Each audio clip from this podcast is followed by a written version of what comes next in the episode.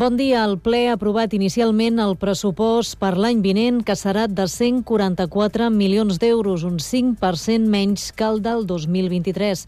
L'objectiu del govern és acabar l'any 2024 sense dèficit per sortir del pla de sanejament de la Generalitat.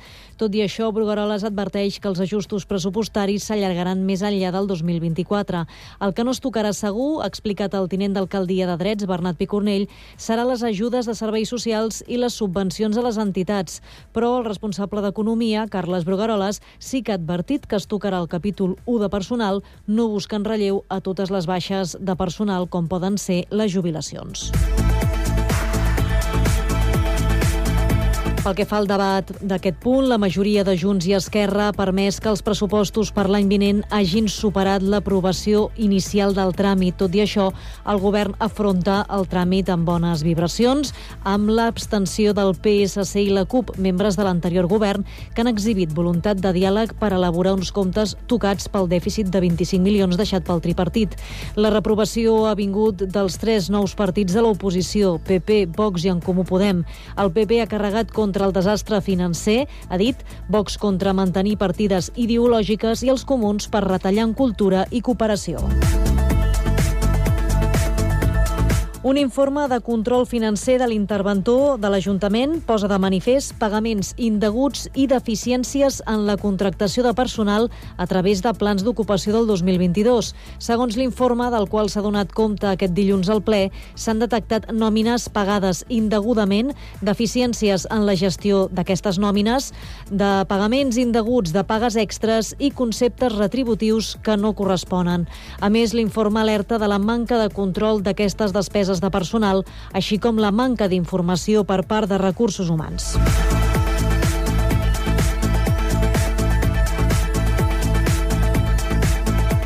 Les mesures cautelars que mantenien aturades les obres de trasplantament d'arbres que impedien la construcció de l'escola La Mirada al Parc del Bosc de Montpelleres s'han aixecat i, per tant, els treballs per part de l'Ajuntament es podrien reprendre en aquesta zona de Sant Cugat, segons es conclou de la resolució del Tribunal Superior de Justícia.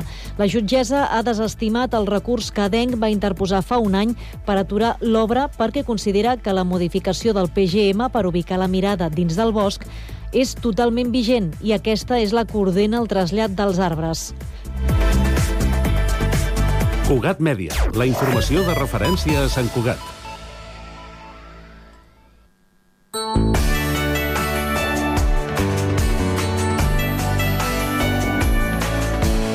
Ràdio Sant Cugat, Cugat Mèdia, 91.5 FM.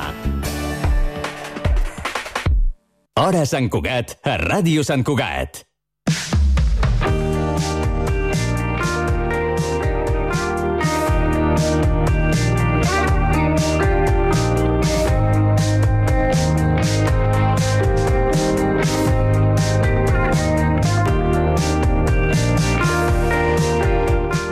Arnau Marimón és santcugatenc i bomber al Parc de Sabadell. Recentment, amb l'equip del parc, ha participat eh, per primera vegada en un Mundial de Rescat en accidents de trànsit. Els que el coneixen bé diuen que és una persona implicada, motivada, sociable i tastaulletes. Avui al Connectats el coneixem una mica més a fons. Arnau, bona tarda. Bona tarda. Eh, com ha anat l'experiència del Mundial? Increïble, molt, molt guai i, i molt instructiva. I a nivell de resultats? Molt bé, hem quedat quarts amb l'equip de Sabadell, cosa que és bastant forta.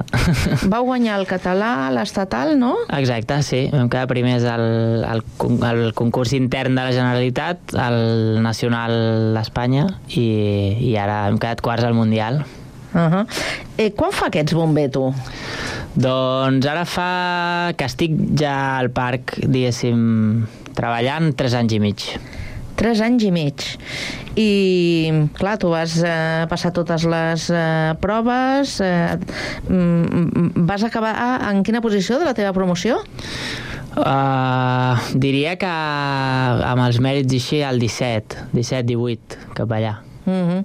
I no sé, algú m'ha explicat que vas fer un treball de final de fent una proposta que tenia alguna cosa a veure amb la cultura popular sí. i tradicional de Berga? Sí, sí, tal qual. Sí? sí. De fet, jo vaig estudiar enginyeria aeronàutica Això mateix? Sí, per, per contextualitzar, però mai m'he dedicat a això. I quan ja estava acabant la carrera no tenia molt clar cap a on tiraria i llavors vaig buscar un treball de recerca, bueno, treball de final de carrera era, Sí. que m'interessés bàsicament més aviat a mi que no pas a, a nivell de professionalitat i llavors vaig fer un, un estudi així del pla d'evacuació de la Patum de, de la festa de la Patum, diguéssim. Complicat, eh? És complicat, sí, és, és bastant I polèmic. te- te'n vas en sortir o...? Bueno, a veure, no, la veritat és que no era molt ambiciós el treball, en aquell moment no estava tampoc jo molt, molt, molt, molt ficat, però al final era un estudi de, de temps i de capacitats d'evacuació de- d'aquella plaça, a partir del qual es podria fer protocols o històries més, més enllà. No, no anava molt, molt més enllà de l'estudi de, dels temps, sobretot, i de les capacitats que tenen la, cada sortida, etc etc. Mm. Mm Com tu deies, efectivament, tu et vas formar com a enginyer aeronàutic, eh, però no has acabat eh, exercint i, i t'hi has dedicat a, a, finalment a ser bomber. Com aquest canvi? Què ha passat? Bé, cap al final de la carrera ja tenia bastant clar que el tema de fer una feina de despatx i estar tancat allò No amb, mola. amb l'ordinador i això no, no era el meu. Llavors, no tenia molt clar què fer, la veritat. El tema de bombers en algun moment havia sortit a la carrera parlant amb algun company, però, però durant la carrera era impossible compaginar-ho i llavors va quedar allà.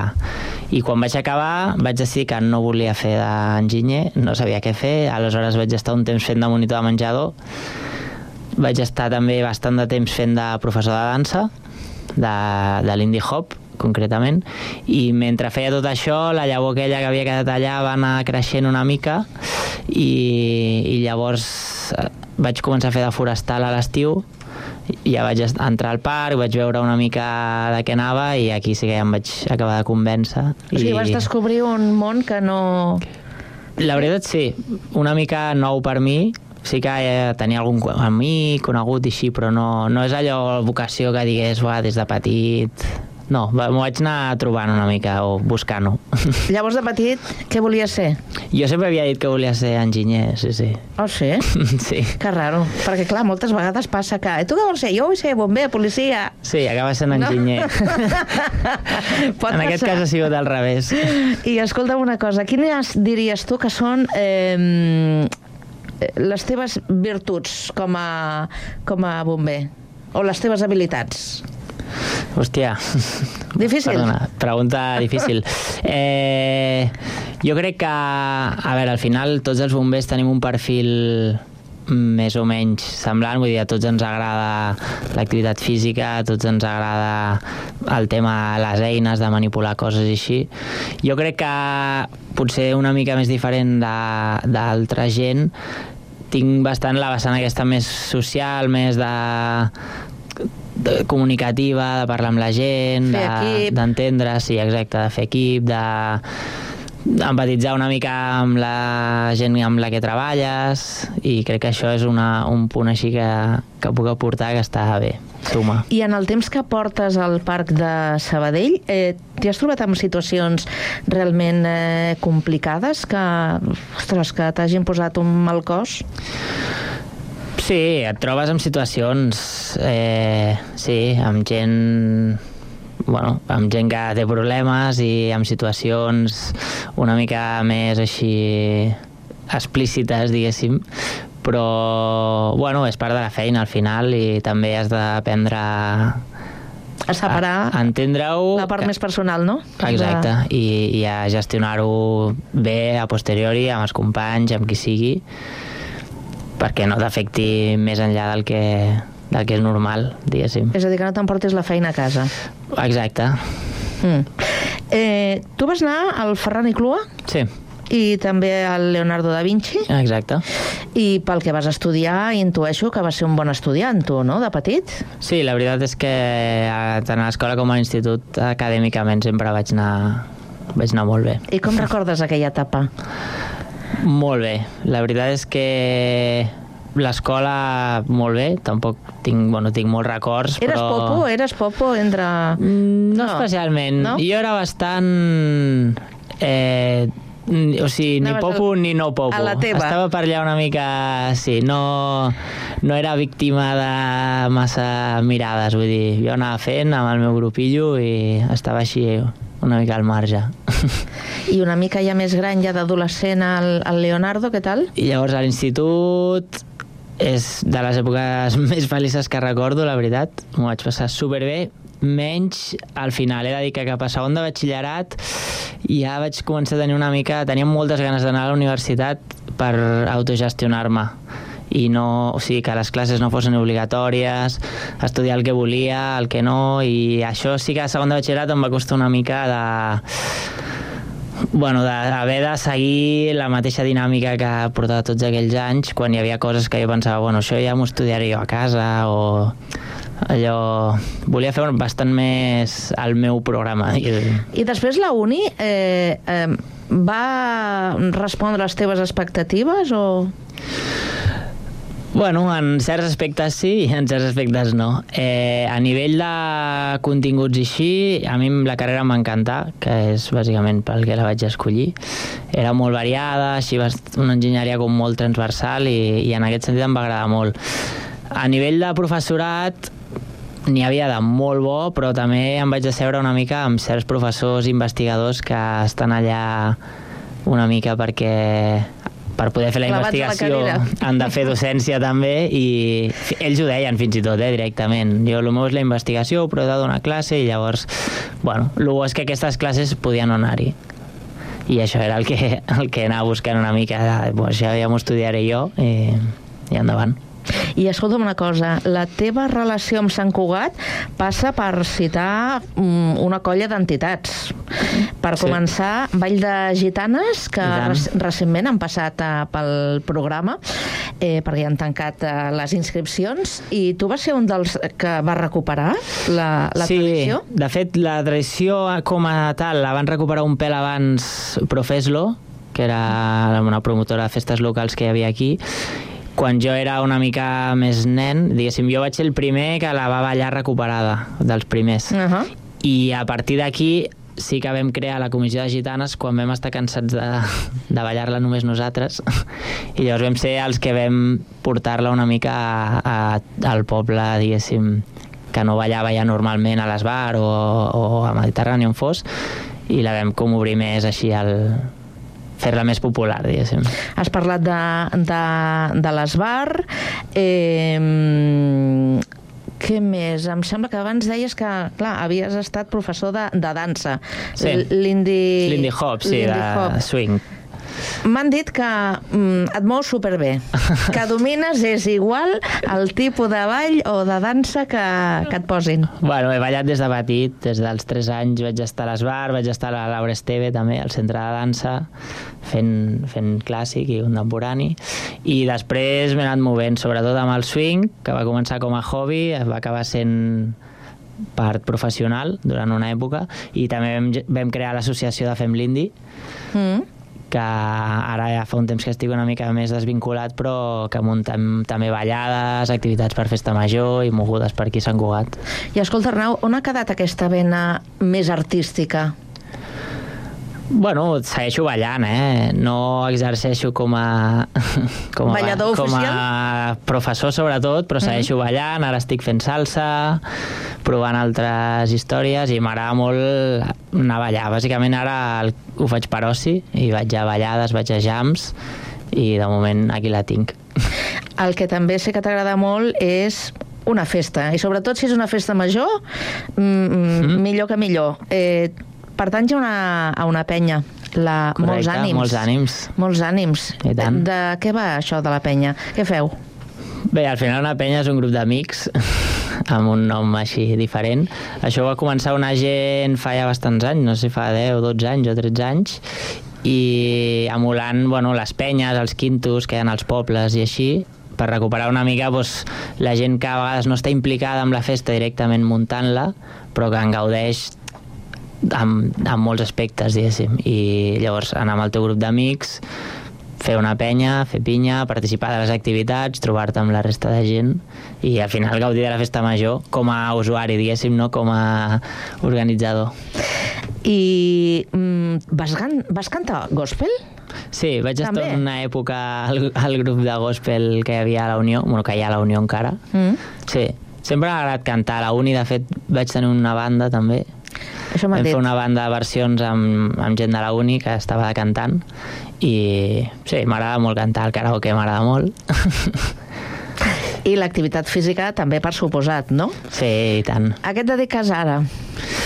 A l'escalada? Sobretot, sí, les meves tres activitats principals, així per dir-ho d'alguna manera, són la bici de muntanya, l'escalada i a l'hivern l'esquí. I quan no fas res del que hem enumerat en aquesta entrevista, és a dir, com t'avorreixes?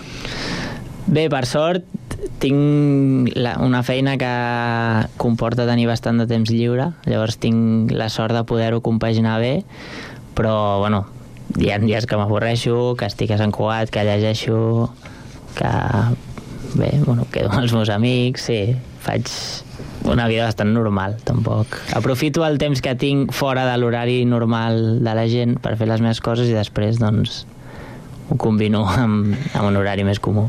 Ets eh, fill de Sant Cugat? Jo sí. Nascut a Sant Cugat? Mm, Sí, bueno, a l'hospital vaig néixer a Barcelona, però sí, he viscut sempre a Sant Tota Cugat. la vida. Sí, Et sents identificat amb la ciutat? i tant. Molt. De fet, si no fos per això, segurament igual no estaria aquí. Què t'agrada de Sant Cugat? Mm, bueno, m'agrada molt el teixit associatiu perquè és on he viscut i on he crescut i perquè me'l sento meu. M'agrada, a veure, s'hi viu superbé, hi ha molts parcs, tot això que suma, però bueno, no seria el primer de tot. Sobretot per mi és la gent i, i el, el vincle que tinc i el, la sensació de haver aportat una miqueta i que una part de tot això que passa en aquesta ciutat també és culpa o causa meva i això és el que, bueno, és el que m'hi arrela més al final. Ho hem notat, eh? hem notat que, clar, has tastat tantes coses eh, que al final has deixat la teva empremta, no? Una mica en tot el, tot el que has eh, fet. Eh, com t'imagines d'aquí uns anys? Doncs m'imagino vivint a Sant Cugat, Oh, això és una sort, eh? si puc, perquè cada cop està més difícil, però s'intentarà. Eh, no sé on estaré treballant, perquè de fet a partir del gener em moc, me'n vaig al parc de Sant Celoni de moment, per una qüestió de, de trasllats, però intentaré tornar, així que no sé, igual estaré al parc de Rubí o... I, i seguiré, espero tenir una vida com la d'ara que em fa molt feliç, que és fent les meves coses, tinc una feina que m'encanta i acompanyat de la gent que tinc al voltant que, que és increïble. Mm. I en algun projecte nou, segurament. Segurament, segurament. Arnau, eh, estem acabant aquesta conversa i sempre l'acabem amb un tema musical que, que tria el convidat o la convidada. Tu què, què, què has triat? Doncs he triat una banda que es diu Panellet, que són de Terrassa, Mm. que fan un rock així com noventero, una mica, i, i que m'encanta i que m'agrada molt, amb lletres molt divertides. I res, de fet, sóc bastant fan i podem posar qualsevol cançó. Hi ha una cançó que es diu Escape Room, si vols, que, Ahà. que és una bona opció, però bueno, qualsevol, qualsevol em va. Doncs els descobrirem aquí en aquest eh, Connectats, que de fet ets com un ambaixador, de, podríem dir, perquè clar, un Sant Cugatenc que treballa a Sabadell i que tria un grup musical de Terrassa és una combinació pràcticament perfecta pel programa. Escolta, Arnau, Genial. gràcies per Moltes haver gràcies. acceptat la nostra invitació i res, eh, esperem notícies teves, perquè segur que engegaràs alguna cosa Alguna cosa en un moment o altre. Passarà, sí. Que vagi molt bé. Igualment, merci.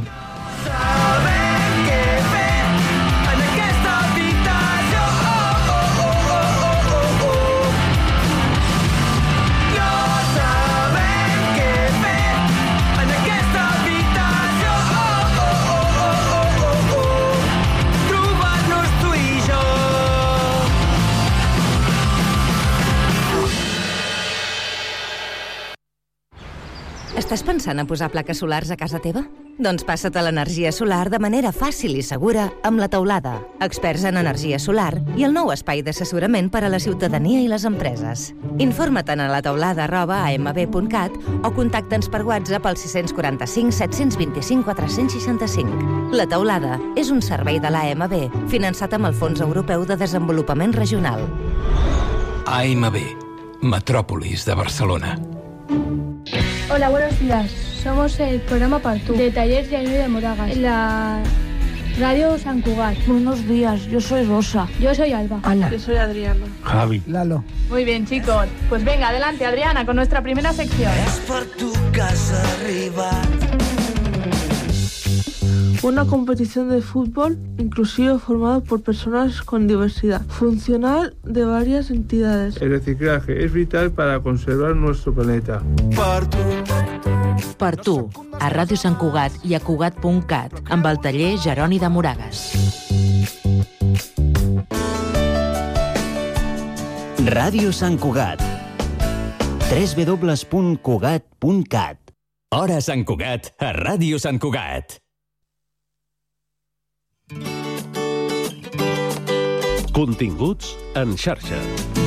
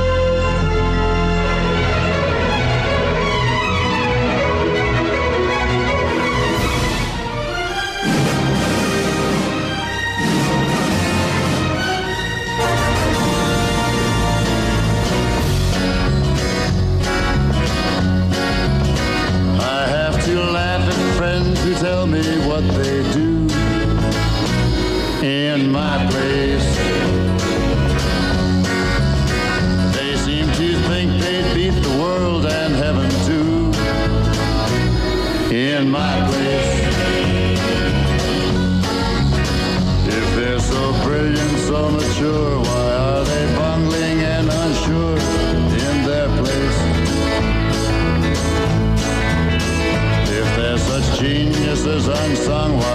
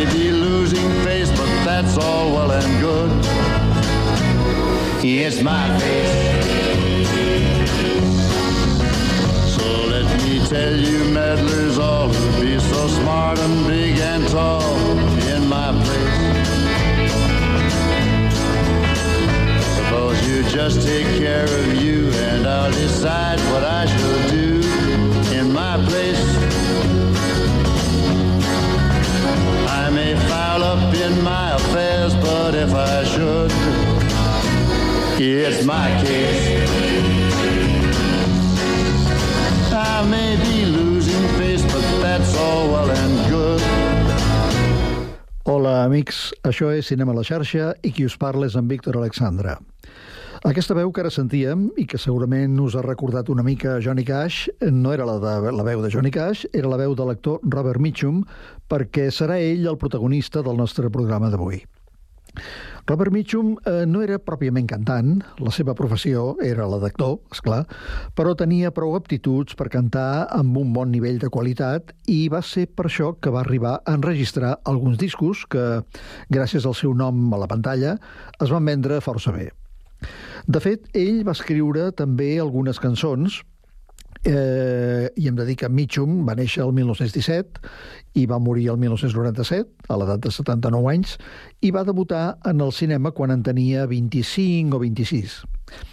Al principi es va fer un far de rodar un munt de pel·lícules, eh, de pel·lícules menors, de poca volada, algunes sense ni tan sols estar acreditat, fins que va arribar Retorn al passat, de Jacques Tourneur, al costat de Kirk Douglas. Després ja van venir Cara d'Àngel, d'Otto Preminger, amb Gene Simmons, Riu sense retorn, també d'Otto Preminger, amb Marilyn Monroe, No seràs un estrany, de Stanley Kramer, amb Olivia de Havilland i Frank Sinatra. També va rodar La nit del caçador, de Charles Lawton, amb Shirley Winters, o eh, amb ell va arribar l'escàndol de Vincente Minelli amb Eleanor Parker. En el terreny musical, Robert Mitchum va començar a cantar bastant jove. Mm, Sí, el seu primer disc el va registrar quan tenia 31 anys i quan en tenia 39 va cantar la banda sonora de la pel·lícula La ruta del tro. El, això era l'any 1958, que es va estrenar entre nosaltres amb el títol de Camí de l'odi. En aquest film, Camí de l'odi, Mitchum cantava aquesta cançó, la balada de Thunder Road. I can tell it all about the mountain boy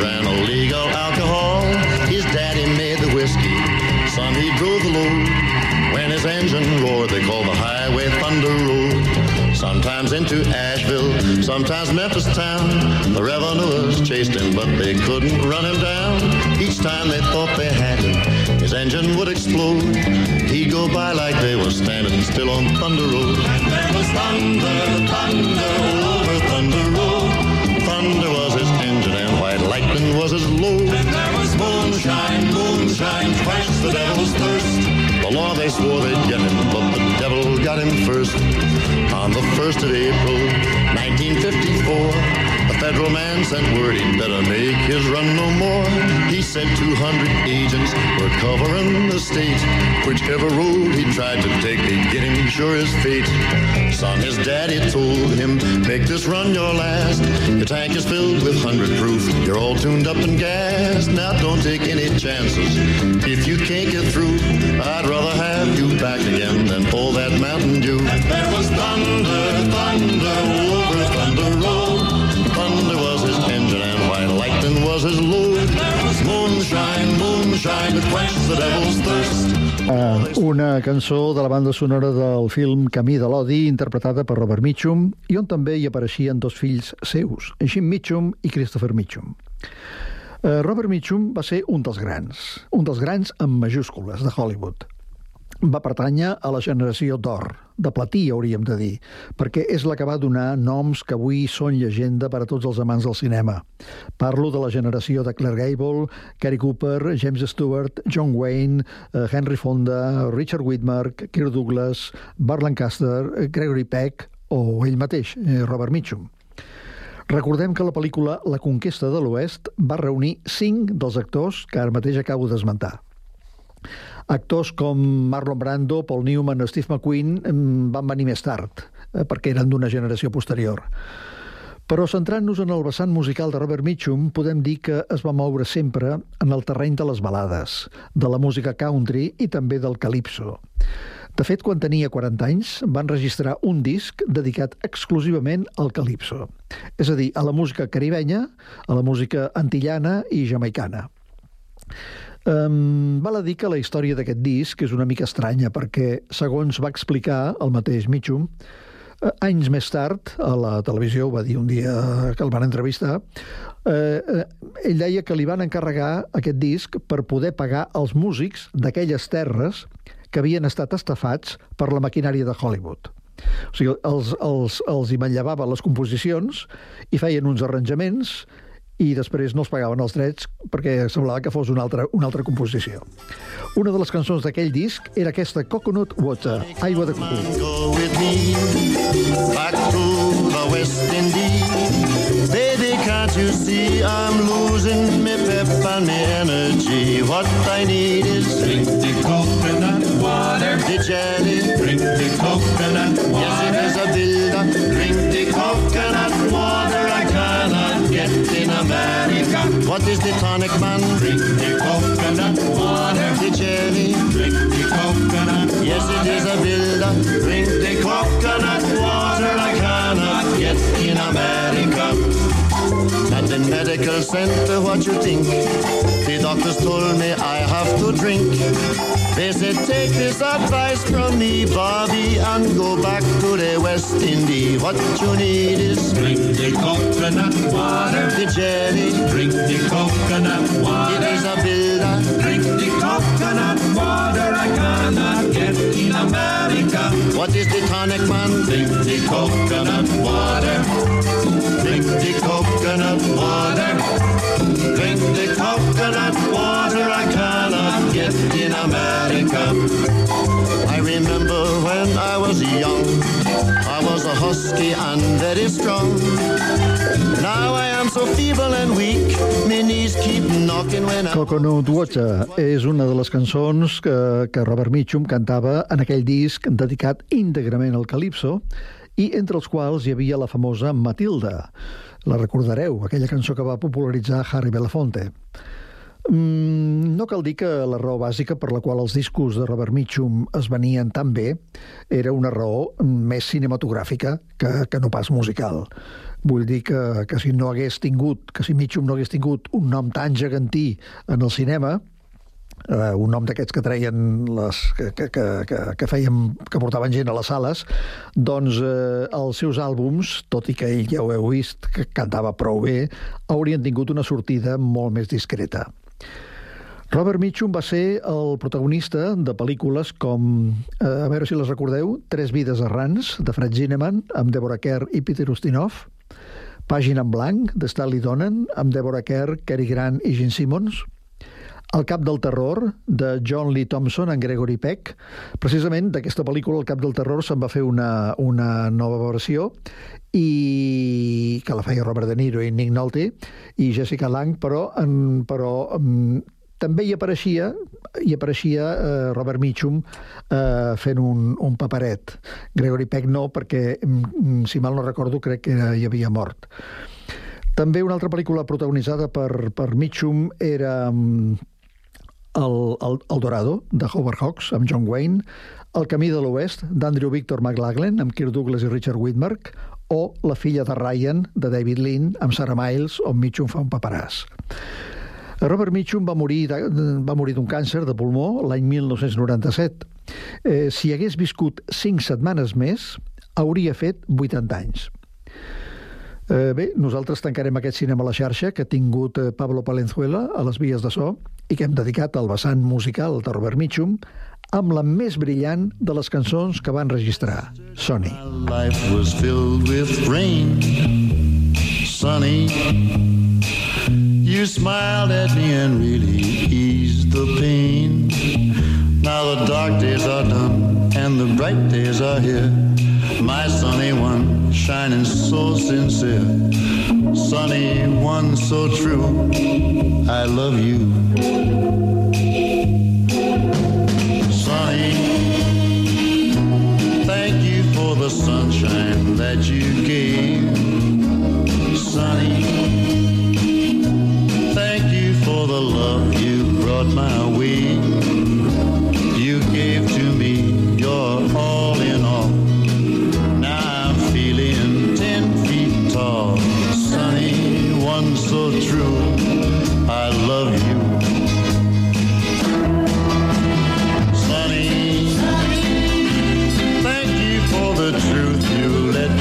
See. You sunny, thank you for the facts from A to Z.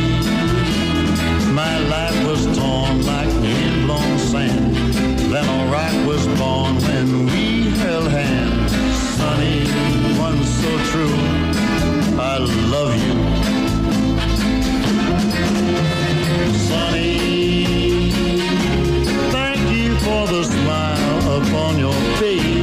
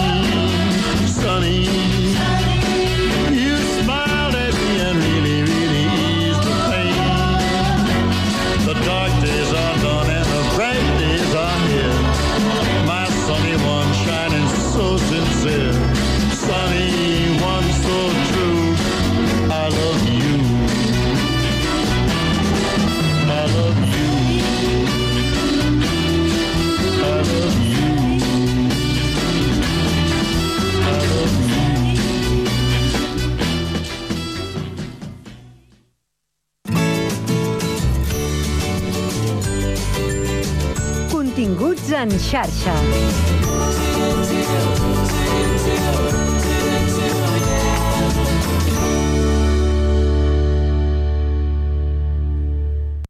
No és el mateix ser els integrants del millor grup de la història que ser el millor grup de la història. Per això, el grup català Occident serem Occident, perquè per continuar assegurant-ho tot, tot i tot, ens havíem d'ajuntar tots, tots i tots. Entra a seremoccident.cat. Ràdio Sant Cugat. Ràdio Sant Cugat. Ràdio La Maroteca de la Ràdio. Un programa de ràdio que parla de ràdio. La Maroteca de la Ràdio. Escoltarem programes de ràdio dels últims 40 anys. La Maroteca de la Ràdio. Un programa on despertarem la teva nostàlgia. La Maroteca de la Ràdio. T'esperem els dilluns a les 12 del migdia a Ràdio Sant Cugat, 91.5 FM.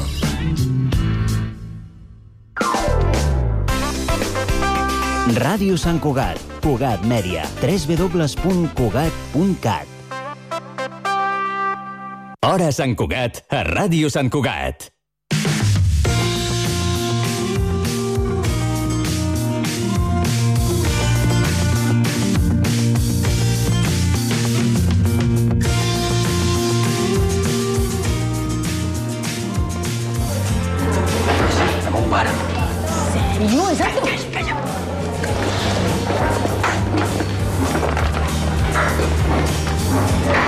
Bé, em dic Merlí. I vull que la filosofia us faci trempar. El Marc ve cada dia trempat de casa. Pollo. Vull dir que em proposo encomanar-vos l'interès per la filosofia. Mm? Tu, com et dius? Bruno. Bruno què? Bergeron. Bé, bé, quin collons de cognom és aquest? És francès. Ah. Creus que la filosofia serveix per alguna cosa? Sí. Això és el que volia sentir. Estic fins als collons de la gent que diu... Segur que heu identificat el personatge de ficció Merlí, el professor d'institut, que en el primer dia de classe pregunta als seus alumnes què és la filosofia i per a què serveix. Doncs avui, Dia Mundial de la Filosofia, al Connectats volem donar resposta a aquestes i altres qüestions i ho farem en companyia de la Carme Serret, que és llicenciada en Filosofia i Ciències de l'Educació, a més de professora de la Facultat de Ciències de l'Educació de la Universitat Autònoma de Barcelona. Carme, bona tarda. Bona tarda, Carme. Eh, mm, volia començar il·lustrant una mica el tema perquè, sobretot aquestes preguntes inicials que fa el Merlí eh, en la seva entrada a classe, és segurament eh, una pregunta recurrent, no?, quan es parla de filosofia. Per què serveix la, la filosofia? Pues jo crec que Merlí diu molt bé. Jo crec que serveix, eh, la filosofia serveix per trempar i serveix eh, per, jo diria, per viure per viure i cuidar de l'existència, fonamentalment, amb tot el que això comporta. Diria que la filosofia serveix no per viure millor, sinó per viure bé, amb, amb el que això comporta també, i també des d'un altre punt de vista diria que no serveix per res. És a dir, eh, des de la perspectiva utilitarista, i els temps són profundament utilitaristes actualment, doncs eh, la filosofia, com la literatura, com l'art, com... no serveix per res. I, I diries que inconscientment, en el nostre dia a dia, nosaltres apliquem, ni que sigui inconscientment, la filosofia. Filosofem eh, amb moltes coses sense, sense adonar-nos, no? Sí, sí, sí, efectivament. jo crec que ja cal distingir, diferenciar molt bé entre el que és la història i la filosofia, que normalment quan parlem de filosofia entenem com un gran sistema de coneixement, sí, que és la història de la filosofia. Els clàssics. Els clàssics i, i, i, i, i, i, i, i també els contemporanis, però eh, com si fos un, un, com un, un sistema una mica hermètic, no? per especialistes, per persones que, que, que, bueno, que es dediquen mm, a fer coses una mica especials, però, però com si la filosofia no estigués present a la vida. I, i la filosofia està profundament eh, present a la vida perquè jo crec que una de les coses que els humans podem fer, no dic que sempre les fem, però que podem fer, és filosofar. I, i filosofar és diferent a saber història de la filosofia, que es pot, es, penso que està molt bé saber història de la filosofia, eh? per suposat que sí. Jo crec que com està molt bé tenir coneixements, Però hi ha algo que crec que és bastant natural en l'ésser humà, que és filosofar. Però filosofar per mi té que veure amb escollir què pensar. I no sempre escollim, o estem en possibilitats d'escollir què pensem, perquè pensar ja pensem, vull dir, i, i, i, i de vegades molt i malament, en el sentit de tot, de tot aquest soroll mental que tenim. Això no és filosofar, això és amargar-nos la vida, en general. O sigui, quan, ens, quan pensem però ens estem preguntant coses amb aquest pensament és quan filosofem. Sí, quan ens fem... Jo diria, les preguntes eh, són molt importants i, i jo penso que és quan ens fem bones preguntes. I tu em diràs, i què són bones preguntes? Vinga, quines són les bones preguntes? La, les bones preguntes no és un llistat que puguem dir, mira, hi ha, eh, aquestes són les bones preguntes. Però jo sí que no, no penso que totes les preguntes siguin igual. Llavors, jo, jo penso que eh, filosofar és preguntar-se, no només des de la raó, que també, des de la racionalitat, per suposat que sí, però també des del sentir, sí? Perquè eh, l'ésser humà és aquell que viu, però també és aquell que existeix. L'ésser humà és un ésser vulnerable, i ser vulnerable no, no, no, no és un problema, és és part de la seva condició. I ser vulnerable vol dir que l'humà és el que, es preu, el que sent i es pregunta per allò que sent, que té consciència del sentir. Per tant, les preguntes, filo, mm, jo diria, les bones preguntes no només eh, agafen la lògica de la raó. Eh, penso que en la raó de vegades fem coses mm, bastant qüestionables. Quan, quan diem aïllem la raó, si, si la poguéssim aïllar, que per una altra part tampoc no la, no no? Però Eh, i jo crec que les bones preguntes estan fetes d'un material complex. I quan dic un material complex no vull dir complicat. Vull dir que té una àmplia, consideració, una àmplia consideració. Rilke, que jo crec que és un poeta filòsof, que la poesia i la filosofia o el filosofar no estan tan separats de vegades, des de la meva perspectiva, però Rilke deia eh, manti, man, mantén, mantén les preguntes eh, vivas en tu corazón i no, no t'afanyis a donar-te resposta, no corris. Ves esperant que la re resposta vagi arribant i la vagis completant. Jo crec que les, les preguntes no, són no tenen mai respostes o quasi ben mai definitives. Doncs, escolta, en aquests temps que corren és una bona, és una bona frase, no? Eh, sí. Jo no sé si t'has preguntat alguna vegada quin, quin és el valor que li donem actualment a la, al, en la nostra societat, quin valor li estem donant a la filosofia. L'hem denostat? Sí, jo diria que tot allò que és, eh, en el sentit irònic ho deia abans, inútil, sí, eh, jo crec que la nostra, la, la, la societat actual ho ha denostat enormement.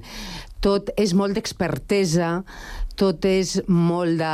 Molt, ha de ser molt eficient, molt funcional, molt... I, I crec que per això estem patint tant, també, perquè hem relegat, d'alguna manera, les, eh, les preguntes les preguntes i, i, i, i el, el pensar en allò que per l'ésser humà jo crec que, que, que és fonamental, que és, per exemple, el sentit, que és la llibertat, que és la vida, que és la mort, que és la soledat, totes aquestes preguntes, eh, preguntes i reflex, reflexionar, pensar i sentir sobre tot això, jo crec que forma part del nucli existencial de l'humà, i sense això patim. I crec que estem patint, com veiem molt, malauradament, ja des de fa... Eh, per exemple, en el segle XXI ja va anunciar l'OMS que, que, que la gran pandèmia serien les malalt... la, les, els desequilibris emocionals i mentals. Jo crec que aquí té molt a veure la filosofia, també, sí? la filosofia de l'existència. Pot servir de medicina? Jo penso que sí.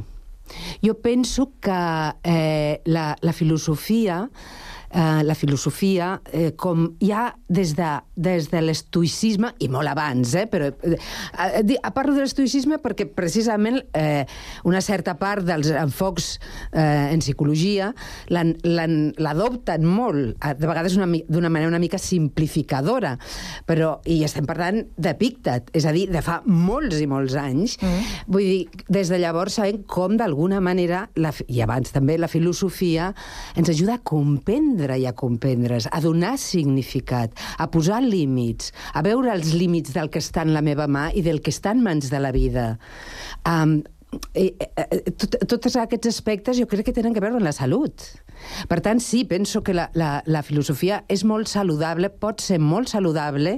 Jo crec que Merlí, la sèrie, va fer, ho, ho mostra, crec que, que li va donar, en, en aquest sentit, un, un, un cert impuls i una certa popularitat a la filosofia entre els joves molt agradable i, i penso que molts dels que ens dediquem a la filosofia estem en aquesta línia, que, de transmetre als joves eh, doncs la importància per les nostres vides que té escollir què pensar, fonamentalment perquè escollir què pensar ens ajuda a ser més crítics, ens ajuda a ser més lliures, ens ajuda a prendre decisions i a responsabilitzar-nos d'allò que vivim.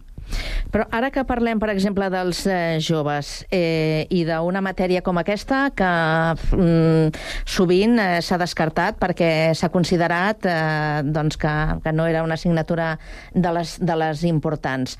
Eh, avui dia els joves eh, trien la filosofia?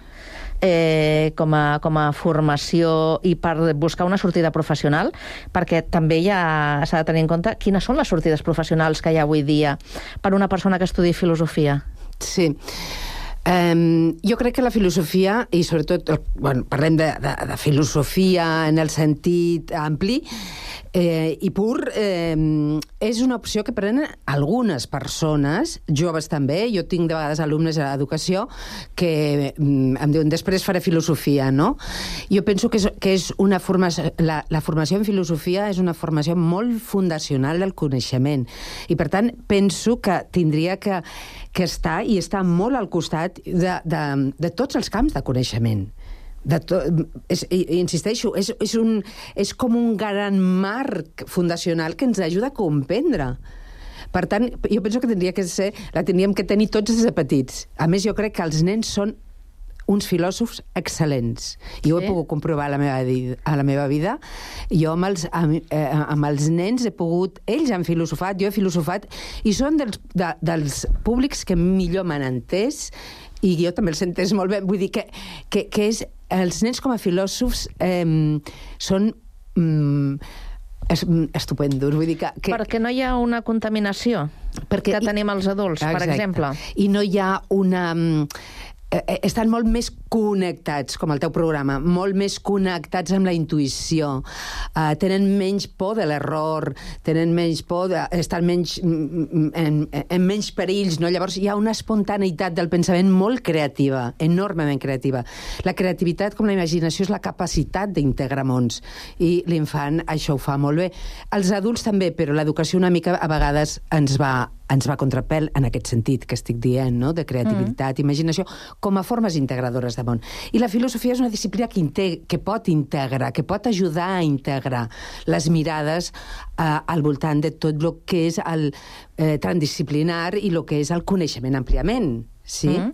Tenint en compte que la filosofia doncs, eh, ens serveix per, per, per qüestionar-nos les coses i que té a veure amb el pensament i amb el pensament de les societats en cada, en cada moment, eh, ara mateix, eh, quins són els corrents filosòfics que, que, que estan, diríem, en boga? Pues mira, ara eh, et comentaré, hi ha una qüestió que encara no està molt a debat, però sí que ja hi comença a estar. Eh, eh, en relació al que és la intel·ligència artificial, mm.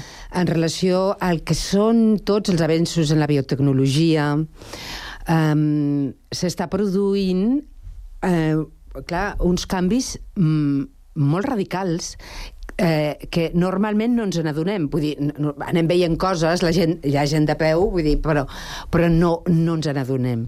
I estan passant coses molt interessants, molt interessants i jo també penso molt delicades. Eh, aquí parlaria d'una, diríem, d'una corrent cultural, més que filosòfica, diria quasi cultural, eh, però també podríem dir filosòfica, que és el transhumanisme. Sí? I, I el transhumanisme, que ja fa uns anys, sobretot, a, a, a, sobretot als Estats Units, però també ha arribat a Europa, que es, eh, està en una, eh, en una absoluta complicitat amb tot el que és la biotecnologia i tot el que significa el sistema tecnològic com a colonització de les vides. Aleshores, el transhumanisme diria més la superació planteja sí, la superació de les limitacions profundes Humanes. que tenim els humans Mhm. i com a través de la, de la tecnologia podem solventar aquestes fragilitats de la condició humana. Per tant, passaríem d'un humà a un... Sí, el transhumanisme és el procés de passar d'un humà a un posthumà. I ara eh, la corrent, diríem, de transició eh, que es preveu seria el transhumanisme. Clar, aquí eh, és importantíssim la ètica, els aspectes ètics i la bioètica, que no són el mateix, exactament el mateix, però que necessitem un debat ètic molt important a Europa, jo crec, eh, i dic Europa perquè és, crec que és encara on aquests debats eh, els podem portar endavant i ja s'estan fent d'alguna manera, però és, jo crec que és imprescindible i important que abordem aquests, aquests eh, debats. Eh, mm. No perquè la, la tecnologia estigui malament ni la intel·ligència emocional, sinó perquè podem arribar per poder posar una mica la, els límits i les línies d'on arribar.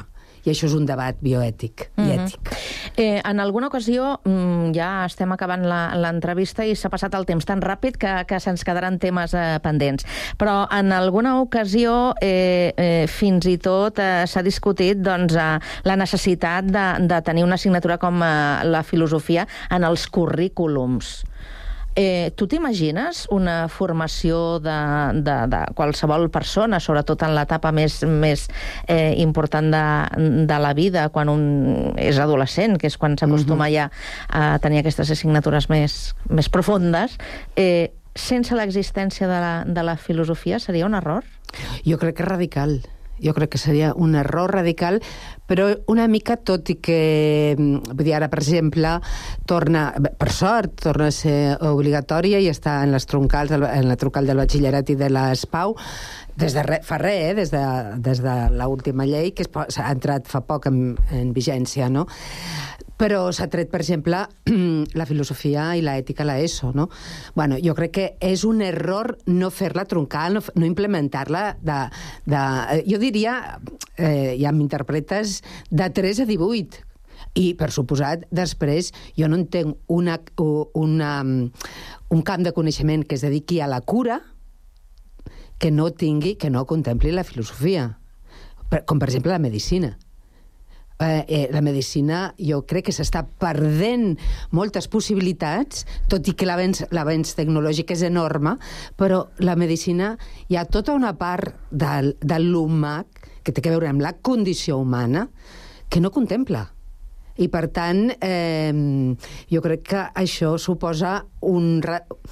Mm, bueno, enredirir-nos en algunes qüestions de salut. Però, bueno, co i, com di qui diu la medicina, jo dic totes, totes les disciplines i els coneixements que tinguin a veure en la cura de l'altre. Uh -huh. Doncs eh, se'ns ha fet molt curt, perquè podríem estar parlant de moltes altres eh, qüestions, per exemple, del paper de la dona, que també ens Sí, ha quedat eh, sí, sí, molt, molt pendent. Però vaja, que una píndola de filosofia mm, un cop al dia en un moment de, eh, de la nostra rutina diària no estaria malament. I avui l'hem volgut eh, posar eh, amb aquesta estona de, de conversa amb la Carme Serret, que ens ha acompanyat avui al Connectats. Carme, feliç dia de la filosofia. Moltes gràcies, Carme, per donar-li un espai al teu Connectats també a la filosofia, que ens connecta, per cert. Gràcies, bona tarda. Bona tarda.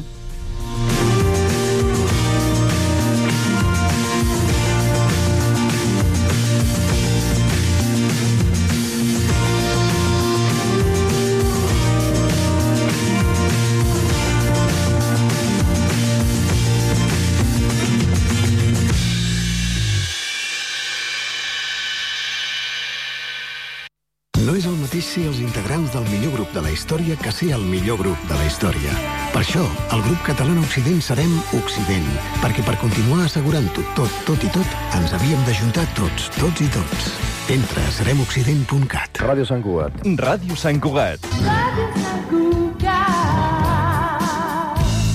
La Maroteca de la Ràdio. Un programa de ràdio que parla de ràdio. La Maroteca de la Ràdio. Escoltarem programes de ràdio dels últims 40 anys. La Maroteca de la Ràdio. Un programa on despertarem la teva nostàlgia. La Maroteca de la Ràdio. T'esperem els dilluns a les 12 del migdia a Ràdio Sant Cugat, 91.5 FM.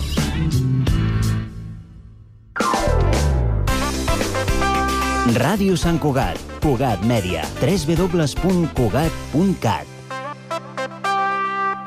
les veus de la ciutat a Hora Sant Cugat.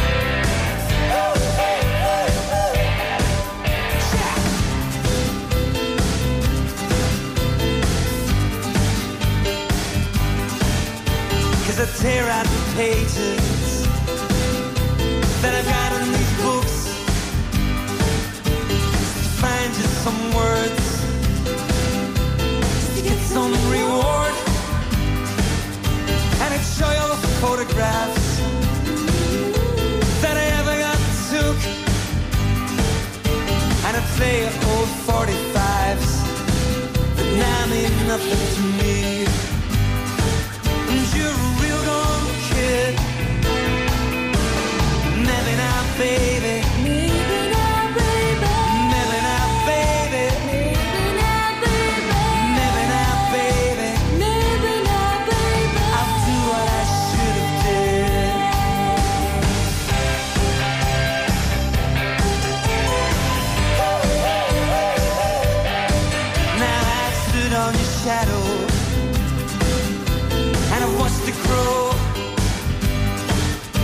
And it's shaking and it's driven me. And let me know, let me know, let me know Let me know about all the old 45s And the paperback rooms. And it's scattered all the photographs Of summers and